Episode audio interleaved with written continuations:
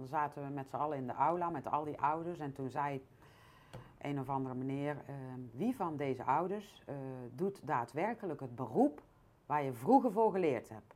Nou, er waren drie mensen die hun hand opstaken. Ja. Van de 200 mensen. Ja. Dus dat zegt al iets. En ik denk als je dan als ouder daarover na gaat denken, dat je denkt, oh ja, ik moet hem de ruimte geven of haar. Ja. Welkom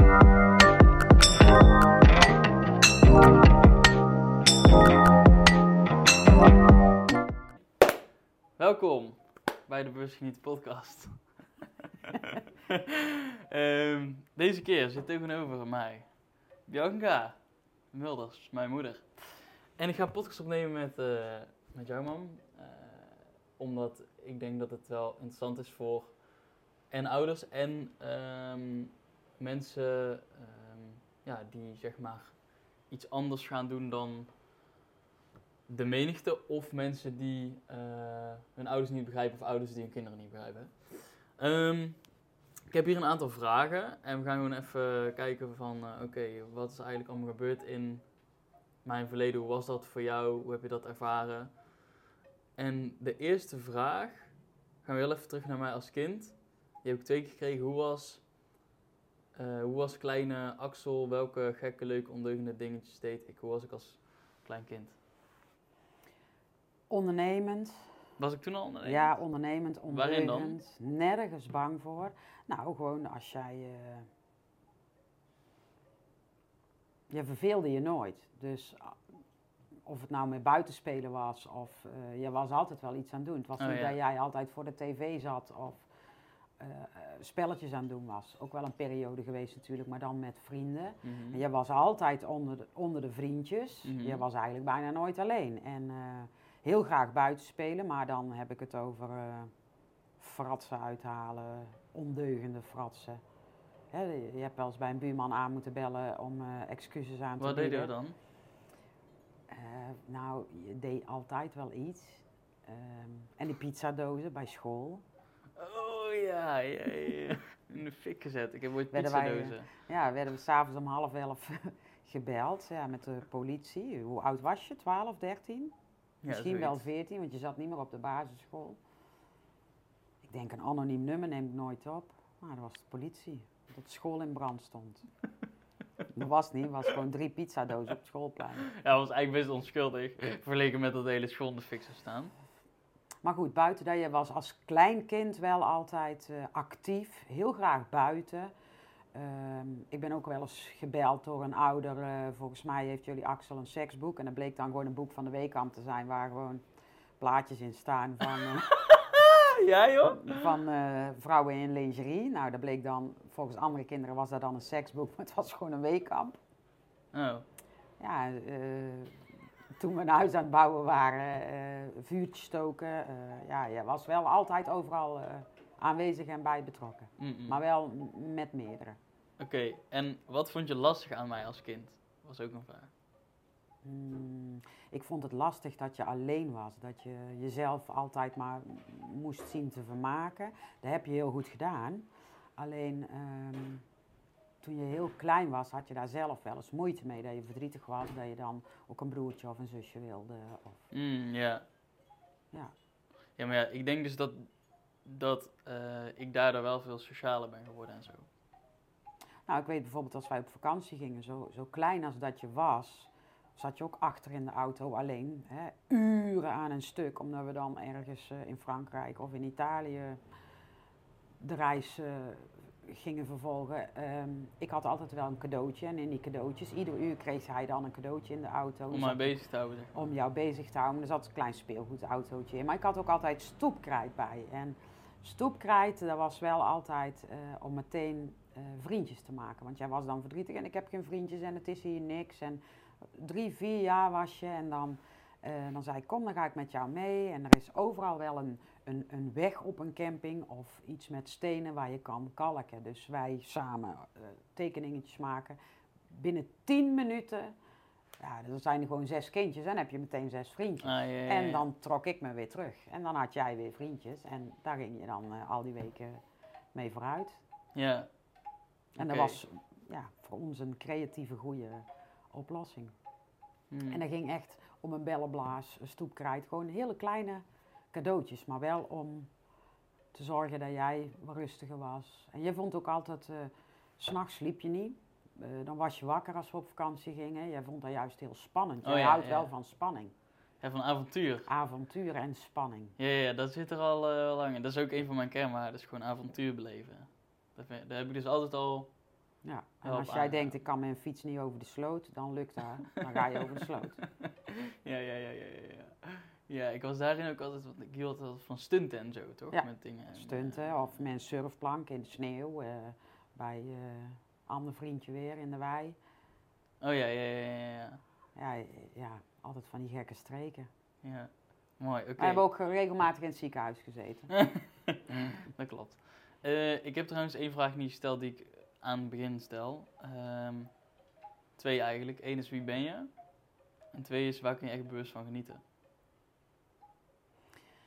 Ja, ik ben Bianca, de mama van Axel. Dat is raar dit. En ehm, waar kan ik bewust van genieten? Dat zijn soms wel hele kleine dingen. Als ik een vlinder zie, ik noem maar iets, dan kan ik daarvan genieten. Maar ik kan ook genieten van een, eh, een kaasje worstje en een glaasje wijn. en, eh, maar ik kan ook genieten als het eh, goed gaat met mensen. Of als ik iets aandoenlijks zie. Als ik ergens in een dorpje loop en ik zie, ik noem maar iets, oudere mensen heel lief zijn voor elkaar. Of ja, dan kan ik Ja, ja. inwendig heel erg genieten. Ja, Dan denk ik, oh, mooi. ja. Leuk, die hebben we nog niet eerder gehoord. Ehm, vooral kaartje een wijntje. Oké, eh, ik ga even naar de volgende vraag. En ik ben daar zelf natuurlijk ook nog benieuwd naar een aantal dingen. Maar even kijken. Eh, mm. wat, zou, wat zou je met de wetenschap van nu anders doen qua opvoeding? Eigenlijk niet. Ik zou het gewoon hetzelfde doen. Want ik denk dat we. eh tuurlijk heb je jezelf ontwikkeld in de persoon die je nu bent. Maar ik denk dat wij daar wel een heel groot voorbeeld. Wij zijn totaal verschillende ouders, de papa en de mama. Eh, ik denk dat wij daar wel, dat je van ons allebei dingen leert en eh, hoe het wel of, of niet is. En ik zou het niet anders doen. We, hebben, eh, we zijn een heel open gezin. Je kan met ons alles bespreken. We zien ook als het niet goed gaat met je, dan kom ik ook altijd naar jou toe van, "Hmm, is er iets? Mm. Eh, en dat was al toen je heel klein was. En wij houden alles open. En of het nou door de beugel kan of niet, bij ons is alles bespreekbaar. Mm. En wij hebben gewoon een open huis. We hebben dan misschien maar één kind, maar Mhm. het is hier wel altijd de zoete inval. En eh, iedereen is welkom. En er kan altijd iemand slapen of mee eten. Of huishouden van Jan Steen. Mm-mm. Maar eh, was dat bij jou vroeger ook of niet? Nee, ik, heb wel, eh, ik ben heel, best heel streng opgevoed. Als ik vijf minuten te laat thuis was in het weekend, dan kon ik die weken na thuis blijven. En pas toen ik mijn rijbewijs had, gelukkig had ik die heel snel toen ik 18 was, toen werd ik losgelaten. En toen werd ik ook wel echt losgelaten. Dan kwam ik gewoon s'nachts om 4, 5, 6 uur thuis. Mm. Dat vond ik nu achteraf gezien, vind ik dat heel raar dat mijn ouders dat zo gedaan hebben. Maar ik begrijp het wel, want zij zijn heel jong ouders geworden. Ze waren 16 en 17 toen ze zwanger raakten. En ehm, zij waren ook heel bezorgd van, oh, als mijn kind maar niet hetzelfde overkomt. Ja, ja, ja. Dus ik begrijp hun situatie Mhm. wel. Alleen vooraf ben ik, ik heb met mijn zus ook stiekem dingen gedaan. Maar waarom denk je dan dat bij heel veel eh, gezinnen zeg maar niet zo open alles besproken kan worden? Dat hoor, hoor ik best wel vaak terug, weet je wel. Ook genoeg wel hoor, maar... Ik denk heel veel ouders eh, ook wel bezorgd zijn. Ik denk heel veel ouders ook een beetje hun hoofd in het zand steken. En dat doet mijn kind niet en dat heb ik nooit gezegd. Dat jij iets niet doet. Mm. Oké. Ik denk, ehm, ik heb mezelf ook gevormd zoals ik nu ben. Mm. En natuurlijk heb ik ook een stukje van mijn ouders geleerd. En heb ik ook weer aan jou overgedragen. Hè? Normen, waarden, eh, respect voor mensen, ehm, sociaal. Mm. Maar niet jezelf weg- wegcijferen. Mm. Maar dat heb ik ook moeten leren, want ik deed dat vroeger ook. Ja. Hè, jezelf wegcijferen om een ander te pleasen. Maar dat moet je zeker niet doen. Maar ik denk dat eh, heel veel ouders misschien ook wel een stukje angst hebben. En een gemakzucht. De wereld is heel snel. Dus wij hebben jou ook voor de tv gezet vroeger. Net zo goed. Mm, Vooral de Teletubbies. Maar, dat, maar dat was ook omdat jij eh, heel erg veel gehuild hebt. Mhm. En ik denk dat heel veel ouders het ook wel gemak vinden, omdat het zo'n gejaagde wereld is. Van, oh nou, zet ze maar achter de computer, eh, zet ze maar achter een schermpje. Dan zijn ze rustig, dan zijn ze stil. Ja. Ik denk dat dat nu heel erg misgaat op dit moment. Ja. En wij zijn ook altijd, we hebben met jou ook altijd spelletjes gedaan. Papa hield daar niet van, maar ik heb wel met jou gewoon heel veel spelletjes gedaan aan Mhm. tafel. En kaarten. En, en je had ook het geluk met een, eh, een oma Fientje, die ook heel veel met jou deed. Mhm. En je mocht altijd jezelf zijn. Ja. rollenspellen. Heb je heel veel gedaan. Of eh, verkleden als meisje. Of, eh, ja. Bij ons ja, mag alles en is alles goed. Je bent goed zoals je bent. Ja. Oké, gaan we daar verder, verder even nog, eh, op in. Ehm, ik ben ook wel benieuwd, hoe vond jij het? eh, ja, iedereen, iedereen gaat het dan op een gegeven moment denk ik wel ongeveer meemaken, 90%. Ik heb eh, best wel veel gebloot vroeger. Ik heb een paar keer drugs gebruikt. Hoe was dat voor jou om daar zo... Ik heb dat op een gegeven moment ook verteld. Of zijn jullie erachter gekomen of heb ik dat gewoon verteld? beide, we hebben erover gesproken. En ik weet nog met het blowen, van ja, je kan het heel stiekem op straat doen. Mhm. Maar ehm, het gebeurde ook bij ons in de achtertuin, want dat had ik liever. En dan hadden we een beetje overzicht. Dan hadden we er zicht op dat het wel goed ging. Ja, Kijk, en wij zijn ook jong geweest. En ik heb zelf vroeger ook wel het een en ander gedaan en geprobeerd. Ehm, maar het kan ook soms fout gaan. En ehm, wij hebben bijvoorbeeld, hè, mm, ik noem verder geen namen, maar een collega van jouw vader, die, Hm. eh, een jonge gast, die is overleden aan ecstasy. Mhm. En dat heeft een hele grote impact op ons gehad. Maar de, zo klein als jij was, ik denk dat jij toen tien was, toen hebben we daar al heel uitgebreid over gesproken. Hoe slecht eh dat er voor jouw lichaam. Nee, ik denk dat je al twaalf was. En eh, hoe slecht dat er is en wat er kan gebeuren. En als je dat verkeerd doet. En als je het ooit gaat doen, dan willen we graag dat je het wel vertelt. En, Mhm. Ehm, want dan, dan weten we het, dan kunnen we daar rekening mee houden. Ja, daar zijn we wel altijd heel open over geweest. Ja. Oké. En dat is niet fijn als je ziet dat jouw kind stoon thuis komt omdat hij weer gebloot heeft. Want het zijn periodes ook heel erg geweest. Ja. Nou, dan merk je ook dat er meer conflicten in huis zijn. Mhm. Ja. En dan krijg je, een, omdat je machteloos bent als ouder, krijg je die wrijving. Maar dan moet je wel opletten dat je hem niet wegduwt, Ja. het kind. Mhm. Oké, interessant. Ehm, nou, op een gegeven moment eh, is voor mij van alles omgeslagen. Dat is langzaamaan gegaan. Ik denk dat ik vanaf mijn 16 ongeveer ben begonnen. Eerst met spiritualiteit en zo. Hoe was dat dan? Want ehm, eh, ja, ik, ik heb hier de vraag van hoe was het voor jou als ouder toen eh, ik begon met bewustzijn en andere manieren van leven qua routines en zo. Maar eh, daar ook nog niet helemaal gelijk heen, maar meer eerst. eh, eerst begon ik met een stukje: wat is het leven, wat doen we hier, bla bla bla. Eh, weet je nog die tijd? Ja, ehm, wij hebben altijd geweten dat, dat je een heel goed hartje hebt en dat er de beste bedoelingen zijn. En jij kon soms ook gefrustreerd worden op jezelf omdat je ergens niet bij kon. Dan werd je boos op jezelf. Oké, ja. En dan zag je ook dat jij struggelde met dingetjes. En eh, daar hebben we geprobeerd open te houden. En we zijn het er niet altijd mee eens geweest met keuzes die jij maakte. Maar je was nog vrij jong toen je al alleen in Portugal zat. Daar waar je aan het eten waren aan de tafel. En dat je, toen werd je even ook, eh, er was er ook iets en toen werd je verdrietig. Toen ging je, volgens mij met Joep. Ja, naar Portugal gewoon. Ja, Ja, ja, ja. ja. En, eh, en dat kostte natuurlijk hartstikke veel geld. Ja, En we moesten jou ook laten gaan. ja. En, ehm, maar omdat we zagen dat jij zo struggelde met jezelf, van welke kant moet ik op, eh, hoe moet ik het gaan doen, dat wij zoiets hadden van nou, misschien komt hij dan van die zooi af en, en eh, misschien gaat hij dan wel een andere richting op. En dat is ook gebeurd. Ja, ja want eerst, eh, dat heb ik wel eens vaak in een podcast verteld, ik ben eerst begonnen met dropshipping.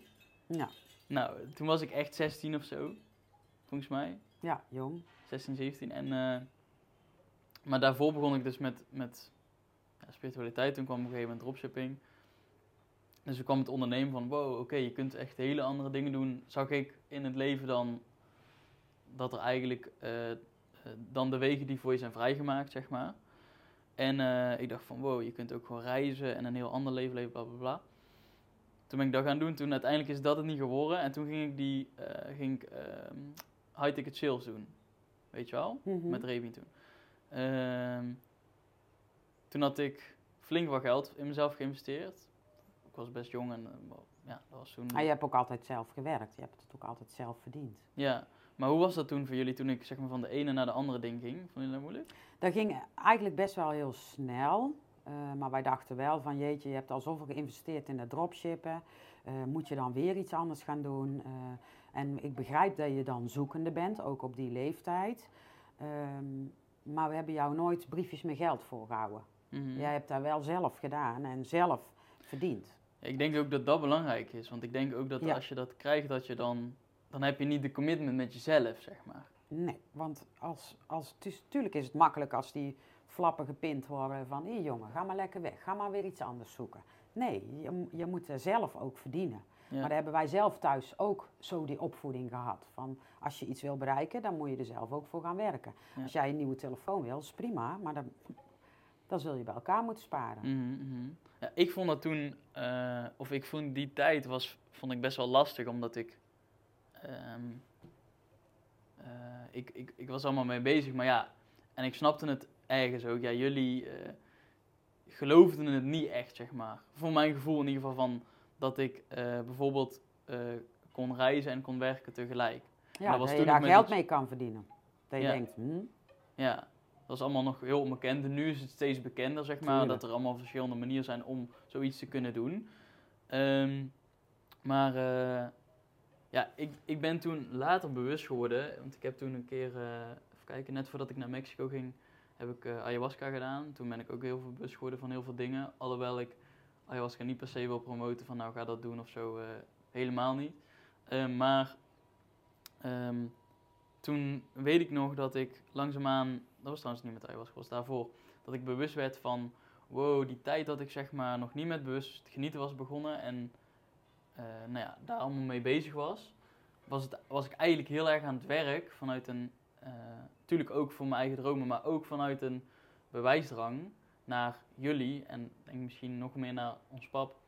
Ehm, eh, van eh, kijk, ik kan het wel, weet je wel. En, eh, mhm. ja, eigenlijk bewijsdrang. ik wilde eigenlijk die erkenning krijgen, zeg maar. Mhm. En ik merkte ook dat ik vanuit die energie aan het werk was, dat het veel zwaarder was en dat ik daarom ook veel moeite ervaarde met alles. En, en hard werken. En nu natuurlijk werk ik ook veel, maar ik ervaar het niet als per se hard, als je snapt wat ik bedoel. Het is heel anders nu. Maar het is natuurlijk een hele andere levensstijl. Ehm, het is geen eh, baan van 8 tot 5. Wat ik nu doe, bedoel je? Ja, Ja, maar en dat, daar dat groeide je niet. toen ook dat, in. dat ook niet, ja. En, en papa die had, ik ben daar wel makkelijker in geweest, alleen papa die had altijd zoiets van, oh, ehm, ga maar gewoon eh, in de fabriek werken van 8 ja, ja, tot ja, ja. 5. En Gewoon die eh, mentaliteit. gewoon dat je iedere maand geld hebt en dan kun je op vakantie, klaar. Ja, Dat was het. ja, ja. Ja, En ga maar een hobby zoeken, ga ja, maar fietsen of iets anders doen en, Ja. eh, en klaar. ja. Dan is het goed. Mhm, mhm. En ik denk dat heel veel mensen. Maar ik heb dat nooit gehad. Ik heb nooit. tuurlijk wilde ik ook dat je je eigen voor jezelf zelfstandig eh, was je al als kind zelfstandig, want dat is als je een enigskind bent. Ehm, maar je moet wel leren dat je voor jezelf kan zorgen. Mhm. En dat denk ik dat we daar wel mee hebben gegeven. Voor papa was dat een 8 tot 5 baan. Voor Mhm. mij maakt het niet uit wat jij doet. Als je maar gelukkig bent, dat is punt 1. Je hart volgt. Ik ben zelf ook later nog geswitcht van beroep. Ehm, ik vind het heel belangrijk dat je naar je gevoel luistert. En dan komt de rest vanzelf. Want als je ongelukkig bent, dan is alles zwaar. Mhm. Dan is alles zwaar in je benen. Ja, klopt. Letterlijk en figuurlijk. Ja, en toen ik dat allemaal deed, was ik dus helemaal niet gelukkig. En ja, heel bijzonder hoe dat allemaal is ontstaan. En uiteindelijk, aan het einde van eh, waar ik toen allemaal mee bezig was, kwam ik dus in aanraking met coaching. En toen weet ik nog dat ik, dat ik dat heel leuk vond. En ik kon daar en ik kreeg daar positief feedback op. En ik dacht van, wow, dit is vet. Maar ik had eigenlijk nog niet echt bij stil, helemaal bij stilgestaan van, oh, hier kan ik ook iets mee doen. Of dat is eh, bestemd voor mij, of wat dan ook. Nog niet per se helemaal gelijk, maar wel heel stilletjes. En toen ben ik weer in een koffietentje gaan werken, volgens mij. Fulltime. Ja. En toen eh, ben en ik je, ben je bij Alexander al- geweest? ja, bij eh, een, loopbaan, een loopbaan, loopbaancoach. traject, een loopbaantraject. Daar heb ik jou in gestimule- ge- gestimuleerd van, goh, misschien is dat dat iets voor jou. Ga eens Ja. iets, iets doen, eens kijken van, wat brengt het jou? Ja, Het was op dat moment, eh, heb je er aangeboden gekregen? Heeft je niks gekost? ja, dat was zo'n, eh, hoe heette dat? Het stapbudget, toch? Ja, dat is, heeft iets met de overheid te maken. Ja, stapbudget volgens mij. Ja, die stimuleerde dat. Nou, in ieder geval, dat kon ik toen doen. En eh, ja, toen kwam ik eigenlijk al, al uit bij, oh ja, daar wil ik heel graag iets mee doen. Maar moet ik dan stoppen met dit? Moet ik dan doorgaan met dit? Bla bla. Nou, allemaal vragen. En, nou, daar kreeg ik allemaal een beetje helderheid in. Langzaamaan. En toen op een gegeven moment eh, ben ik begonnen met bewustgenieten kort daarna. Meteen eigenlijk. Van oké, ik wil er iets mee doen. Ik weet nog niet hoe, ik weet nog niet wat, precies. Maar ik weet wel dat ik nu al in ieder geval moet beginnen om stappen te zetten. En in ieder geval doen wat ik al in ieder geval wil doen. Is inspireren, delen wat ik tot nu toe heb geleerd. In al die jaren dat ik hiervoor eh, bezig was met ontwikkeling en bewustwording en ondernemen en bla bla bla. Eh, en toen ben ik begonnen, maar ik ben al allemaal later gaan inzien van, ja, dus dat stukje erkenning wat ik zeg maar zocht. En op een gegeven moment weet ik in het, eh, in het laatste huis waar we toen Mhm. woonde, toen ben ik bewust geworden van wow, oké, ik kan dus die erkenning heel tijd gaan zoeken bij jullie, maar jullie kunnen mij alleen ge- geven wat jullie ook hebben gekregen. En ik eh, moet dat ook gewoon een beetje aan mezelf geven. Ja, maar door gaandeweg ehm, de gesprekken en het verloop en ook praten met andere jongen, jongeren. ehm, Chris zegt het ook heel vaak van, oh, dat is eigenlijk, eh, ik snap Axel steeds beter. Ik Ja, ja, snap ja. Axel steeds beter. En dat is ook een stukje erkenning. Maar heb je die erkenning nodig? Ja, dat is dus inderdaad eh, een goede vraag. Ik denk dat- Tuurlijk is het fijn. Iedereen heeft wel eens een schouderklopje nodig. Maar eh, ik vind het belangrijk dat je gewoon zelfstandig bent en dat je eh, gewoon je eigen cent kan verdienen. Mhm, Want die navelstreng die heb ik al lang doorgeknipt. mhm. Ik vind het ook altijd heel fijn als je weer even weg is. Nee. Naar het buitenland bedoel je? Ja. nee, in het begin vond ik dat, de eerste keer vond ik dat, naar Mexico vond ik dat wel heel spannend. Dat hebben we echt afgeteld en jou overal gevolgd. En eh, eh, zoek mijn iPhone hebben we ook. Nog steeds. Dat was vroeger een eh, must. Oké, even kijken. Ik had nog twee vragen. Even kijken. Ehm, ja, hoe was het eigenlijk? eh, omdat dan dat ik zeg bewust niet ging opba- opbouwen en op een gegeven moment ging ik dus naar Mexico en toen ging ik mijn baan opzeggen en ik ging daar vol voor. Hoe was dat dan eh, voor jullie? Dat is heel spannend. Mexico vonden wij het, het, het, spannendst, maar alle andere reizen daarna, dan weet je van oké, hij is zelfstandig. Ehm, bij jou gebeurt altijd iets, maar het wordt ook opgelost. Ja. En eh, dat is ook loslaten. Ja. Dat is ook loslaten van oké, je loopt in zeven sloten tegelijk, als het er in twaalf zijn. Maar ehm, op de een of andere manier krijg je het altijd voor elkaar. En is het toch weer opgelost. Soms met hulp van mij, maar over het algemeen doe je alles zelf. Ja, ja, ja. Hij is wel eens eh, drie keer zijn telefoon eh, in het buitenland kwijt geweest. En dan moet je ook een nieuwe simkaart hebben. Ja, dat moet ik dan vanuit Nederland gaan regelen. Ja. Ja, ja, ja, ja. Eh, even kijken. Hoeveel heeft de levensstijl van, van mij jou veranderd? Hmm, ik, ik denk niet. Want Sporten, mij niet bellen. Kaas, worst en wijn. Hmm. Ehm, ik kan er wel van genieten als ik zie dat het je goed gaat. Maar heeft het mij veranderd? Hmm. Misschien iets relaxter in dingen geworden. Maar dat is denk ik ook de leeftijd. Dat je daar makkelijker mee om kan gaan. Hmm, Je levenservaring. Oké. En als laatste, eh, of ene laatste dadelijk. eh, wat geef je mee aan andere ouders van jongeren of jongvolwassenen die met bewustzijn bezig zijn, advies, slash tips, et cetera? Ik denk dat het heel belangrijk is dat je luistert, adviseert, maar je kind hoeft niet hetzelfde te worden dan jij. Want je kind is een individu. Ehm, en iedere persoon is uniek. En het is goed zoals je bent. En als je je hart volgt, dan als je ze de ruimte daarin geeft. Kijk, als, als iemand heel goed kan leren, die moet naar de universiteit. Want die moet rechten gaan studeren. Ik noem maar even iets. Mhm. Maar eigenlijk werkt hij heel graag met zijn handen. Is dat erg? Nee. Ga maar achter de... Als jij denkt, ik vind de scannen leuk, achter de supermarkt, ga lekker scannen. Doe waar je gewoon gelukkig van wordt. Want anders dan loop je altijd tegen iets aan. En ik denk dat dat heel belangrijk is, dat je ze... Tuurlijk is het... Ik, wij vonden het ook fijn dat jij een diploma haalde. Ehm, maar geef ze daarna, als de basis staat, de ruimte om om te ontwikkelen. En of dat nou rechtsom, linksom, achter of voor is, geef ze de ruimte. Mm, sowieso mooi, maar dat vind ik wel interessant. Je zegt als de basis staat, maar wat is de basis? De basis is dan, als je op school bent geweest en de middelbare school, één vervolgopleiding. En dat hoeft voor mij echt geen hele studie te zijn. Ja, maar maar in ieder geval een ja, maar- ja, papiertje. ja, dat snap ik. Maar, ja, de basis. maar wat doe je- ik nou met dat papiertje? Niks. En wat heb ik aan een papiertje? Wat als ik dat papiertje niet had gehaald? Wat als ik, zeg maar... eh, ja, dan had je een studieschuld. Ja, oké. Nou, dat is, eh, daar word ik niet heel bang van. Maar eh, oké, dat is dan verschil. Maar wat nog meer, zeg maar. Snap je?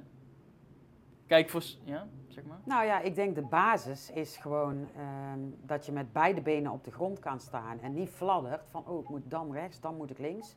Eh, ik moet mijn ouders pleasen, ik moet die pleasen. Nee, probeer die, die basis, een fundament te hebben. Als jij je middelbare school af hebt gemaakt, dan heb je dat in ieder geval al. Ja, ik denk dat dat wel belangrijk is. Als je, Ja. als je dat in ieder geval eh, regelt. Maar dat is, eh, moet, En hoeveel denk mensen zijn er niet die op latere leeftijd een switch maken? Of ja. Of, ehm, ik weet nog wel dat we op de middelbare school was daar al, dan zaten we met z'n allen in de aula met al die ouders. En toen zei een of andere meneer, ehm, wie van deze ouders eh, doet daadwerkelijk het beroep waar je vroeger voor geleerd hebt? Nou, er waren drie mensen die hun hand opstaken. ja, Van de 200 mensen. Ja. Dus dat zegt al iets. En ik denk als je dan als ouder daarover na gaat denken, dat je denkt, oh ja, ik moet hem de ruimte geven of haar. Ja.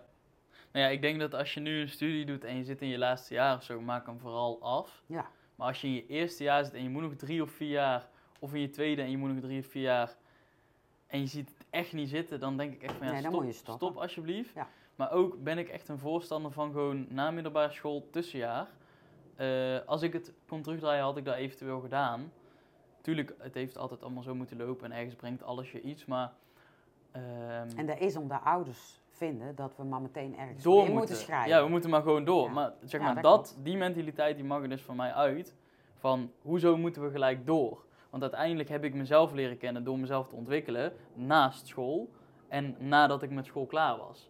En niet op school. Op school heb ik, ben ik eigenlijk verder van mezelf afkomen te staan, eerlijk gezegd, Hmm. dan dat ik dichter bij mezelf ben gekomen. Want toen was ik ook bijvoorbeeld eh, aan Ja, want dan blowen moet iets. en eh bla bla bla. Ja, en dan moeten dingen. Maar Ja. dat is ook een stukje puberen natuurlijk. Ja, oké. En, da- en, en dan moet het, dus dan moet ik naar school en dan ga ik foute dingen erbij doen. En dan denk ik, school. Ja, ik snap ja, het, ik snap het, want ja, je leert ook niet al. Ik denk dat de levenservaring belangrijker is dan school. Ja, dat denk ik ook. Nou, ja. Dat sowieso. Oké, En wat wil je als laatste ehm, aan de mensen die dit nu luisteren vanuit je hart meegeven? Volg je hart, want dat klopt. Dat is de quote van ons man. Ja. Ja, mooi. Oké, ehm, ja, dankjewel man. Alsjeblieft. delen allemaal. Ja. Ehm, Het stond al vaker in de planning, maar als jij dit op YouTube kijkt, doe even een likeje omhoog, abonneer knopje aan als je op Spotify luistert. En je hebt iets aan deze podcast gehad, deel hem in je story. Laat een review achter op Spotify, wordt allemaal enorm gewaardeerd. En ehm, dan zou ik zeggen, geniet bewust van het moment. En tot de volgende.